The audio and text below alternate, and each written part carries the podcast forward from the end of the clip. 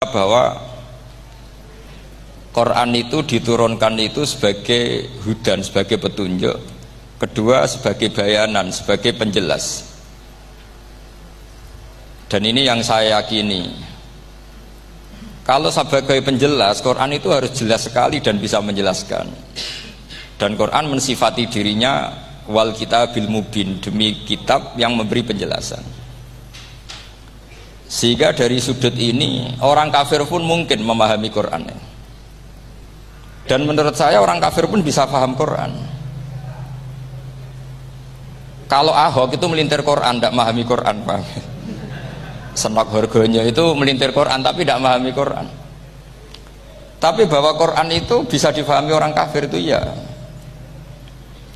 Logikanya gampang begini kata Imam Syafi'i dalam kitab Ar-Risalah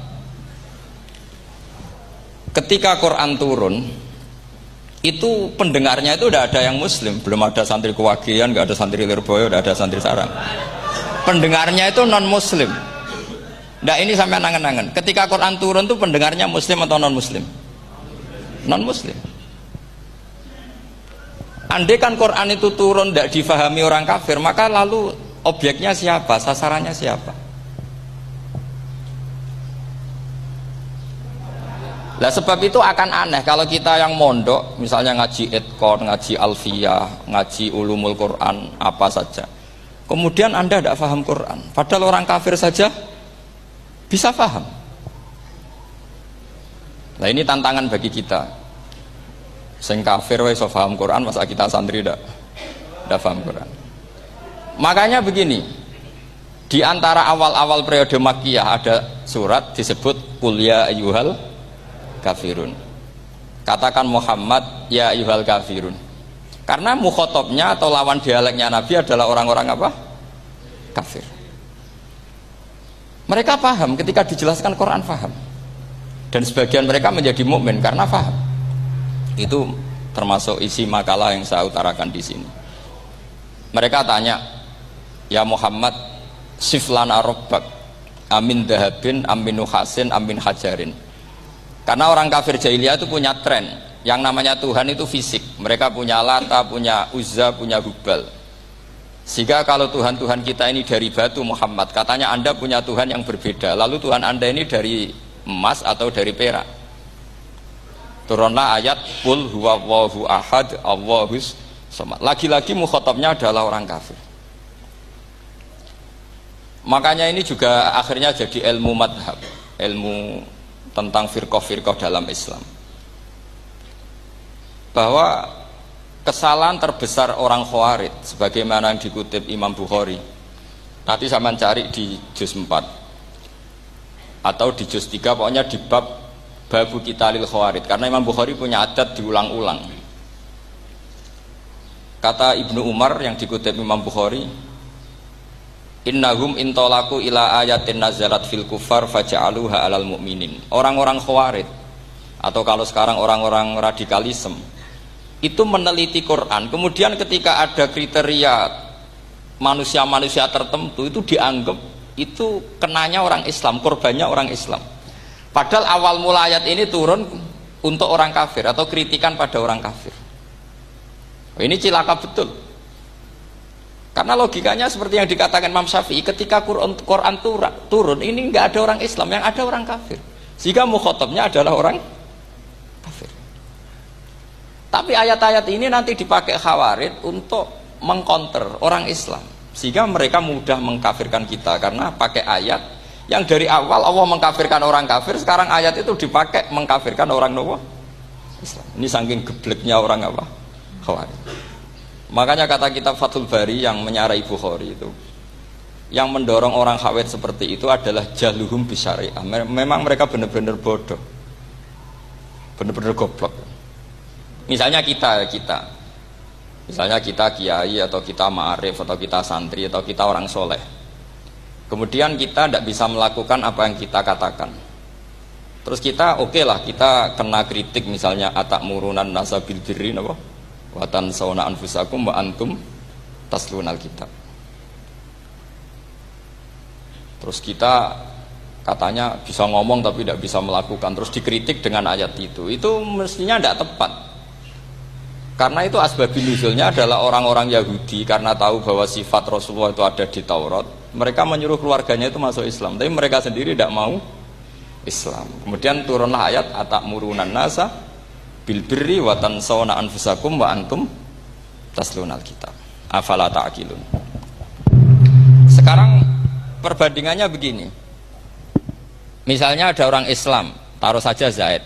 Zaid itu maling. Ya maling, konsisten dia malingnya sampai tua. Terus menurut Anda, Zaid yang muslim ini, muslim, Zaid itu muslim tapi maling. Jangan bilang maling tapi muslim, dia itu ya. Kemudian Zaid bilang ke anaknya, "Cung, kowe aja dadi maling, dadi santri sing soleh, sing maling bapak tok." Ndak, ini menurut analisis usul fikih. Ngomongnya Zaid itu benar apa salah? Benar kan? Nasihatnya ya benar, ngomongnya juga benar. Kamu tidak bisa ngeritik Zaid. Kamu bisa ngomong tapi tidak bisa melakukan, tidak bisa. Fa'innal amro bil ma'ruf wajib. Wal bil ma'ruf ya wajib. Wal qawla bil haqqi ya wajib. Jadi itu hal yang berbeda. Misalnya fa'innal amro bil ma'rufi wajibun. Memerintahkan barang baik itu baik Eh wa innal bil haqqi ya wajib. Mengatakan yang hak itu ya wajib. Berarti Zaid tetap kena khitab. Kamu harus nasihati anak secara benar. Kamu juga harus ngomong hukum secara benar. Lalu ketika Zaid ngomong hukum secara benar, cung ojo maling, maling dosa. Cung ojo nerusno profesi ini bapak maling, maling itu tidak benar. Dia berarti sudah melakukan dua kebenaran, yaitu ngomongnya benar, nasihatnya benar. Dia salah, perilakunya tetap maling. Tapi jangan karena dia maling lalu sak omongannya nggak salah juga, berarti salahnya malah tiga. Makanya ini ini pentingnya ngaji sama ulama sama ahli usul fikih. Jadi tidak bisa dicampur adukkan. Zaid gagal dalam perilaku, tapi jangan gagal lagi di nasihat. Nanti kalau dia tidak nasihati, maka anaknya terus maling. Alasannya niru bapaknya. Karena bapaknya kalau mau nasihati nanti disemprit sama santri-santri. Pak, sama rawlah nasihati anak era sama maling sama dewi maling. Oh, udah bisa cara usul itu malah yudroku kulluh, la yudroku napa? Kulluh atau bahasa populernya al maisur la yaskutu bil maksur. Misalnya kita sebagai kiai hanya bisa takrib, hanya bisa jurumnya. Apa yang muda fatul muin cek abote, bulat mana nih bulat kamu tidak boleh ngomong gini cong kue sebagai muridku kudu nurut aku. Nak gurumu goblok dok takrib kue dok takrib wae. Gak oleh ngelangkai guru gak sopan gitu misalnya gitu. Gak boleh gitu. Tetap kita ngomong cong kue ojo koyok aku. Kue kudu alim fatul mu'in alim fatul wahab sama ndak bisa protes. Pak guru sendiri ndak bisa ndak bisa. Kebenaran tetap sebagai kebenaran. Meskipun kita tidak kuat melakukan atau tidak bisa melakukan. Lagi-lagi ayat itu sebenarnya ada untuk kita, untuk orang Yahudi ya tak murunan nasa bil birri wa tansawna anfusakum wa antum taslunal kitab. Sebab itu istidlal dengan Quran itu memang resikonya tinggi. Kalau tidak bagi mutabakhir karena ya itu tadi ini harus ada pengetahuan yang luas tentang asbabun nuzul tentang kriteria. Nah kalau terpaksa saya katakan terpaksa kalau terpaksa kita itibar itu boleh tapi itu terpaksa. Bahwa Allah mengkritik orang yang bisa ngomong tapi tidak bisa melakukan. Tapi itu secara usul fikih itu runyam. Teori ini runyam sekali. Fatal.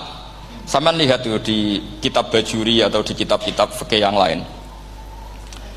Ketika Sohibil Burdah atau Sohibil Bur'ah itu yang Imam Busiri itu Muhammad bin Busiri niku salah nama tapi kadung populer jadi sebetulnya Imam Busiri itu sohibil bur'ah bukan sohibil burda tapi kadung terkenal burda kita ikut-ikutan ikut-ikutan apa? burda Imam Busiri itu ngeluh saya ini orang yang banyak kesalahan. Di antara salah saya adalah saya bisa ngomong tapi tidak bisa melakukan yaitu saya ngomong misalnya orang supaya tahajud saya tidak tahajud. Saya ngomong orang supaya sholat sunat saya nggak pernah sholat sunat. Itu sarahnya itu yang menyarai itu kan Imam Bajuri itu yang sarah burda itu mengkritik begini. Kalau anda ngendikan itu fi ma'rodi min nafsi yaitu dalam konteks anda mengkritik diri sendiri oke. Okay. tapi omongan anda salah karena secara usul fikih fatal. Fatalnya begini misalnya saya nggak pernah tahajud ya mungkin itu nyata. Okay. mungkin itu nyata. Apakah kemudian saya tidak boleh mengatakan at-tahajjudu sunnatun? Apa saya diwajibkan diam hanya karena saya tidak pernah tahajud? Terus saya seorang kiai yang haram mengatakan at-tahajjud sunnatun saya harus tetap mengatakan kalau tahajud itu sunnah. Saya kalau punya santri terus saya bilang cung napas nganggur yuk tahajud. Tahajud itu sunat karena mengatakan kebaikan pasti bagian dari kebaikan itu sen sendiri.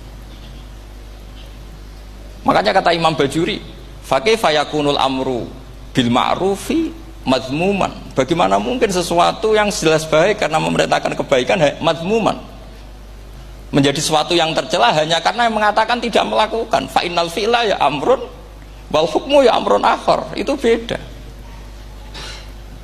Jangan karena Anda tidak minum teh karena diabetes. Terus Anda kalau ada tamu tidak disuguhi teh. Karena saya sendiri tidak minum teh. Wah ya repot kalau gitu.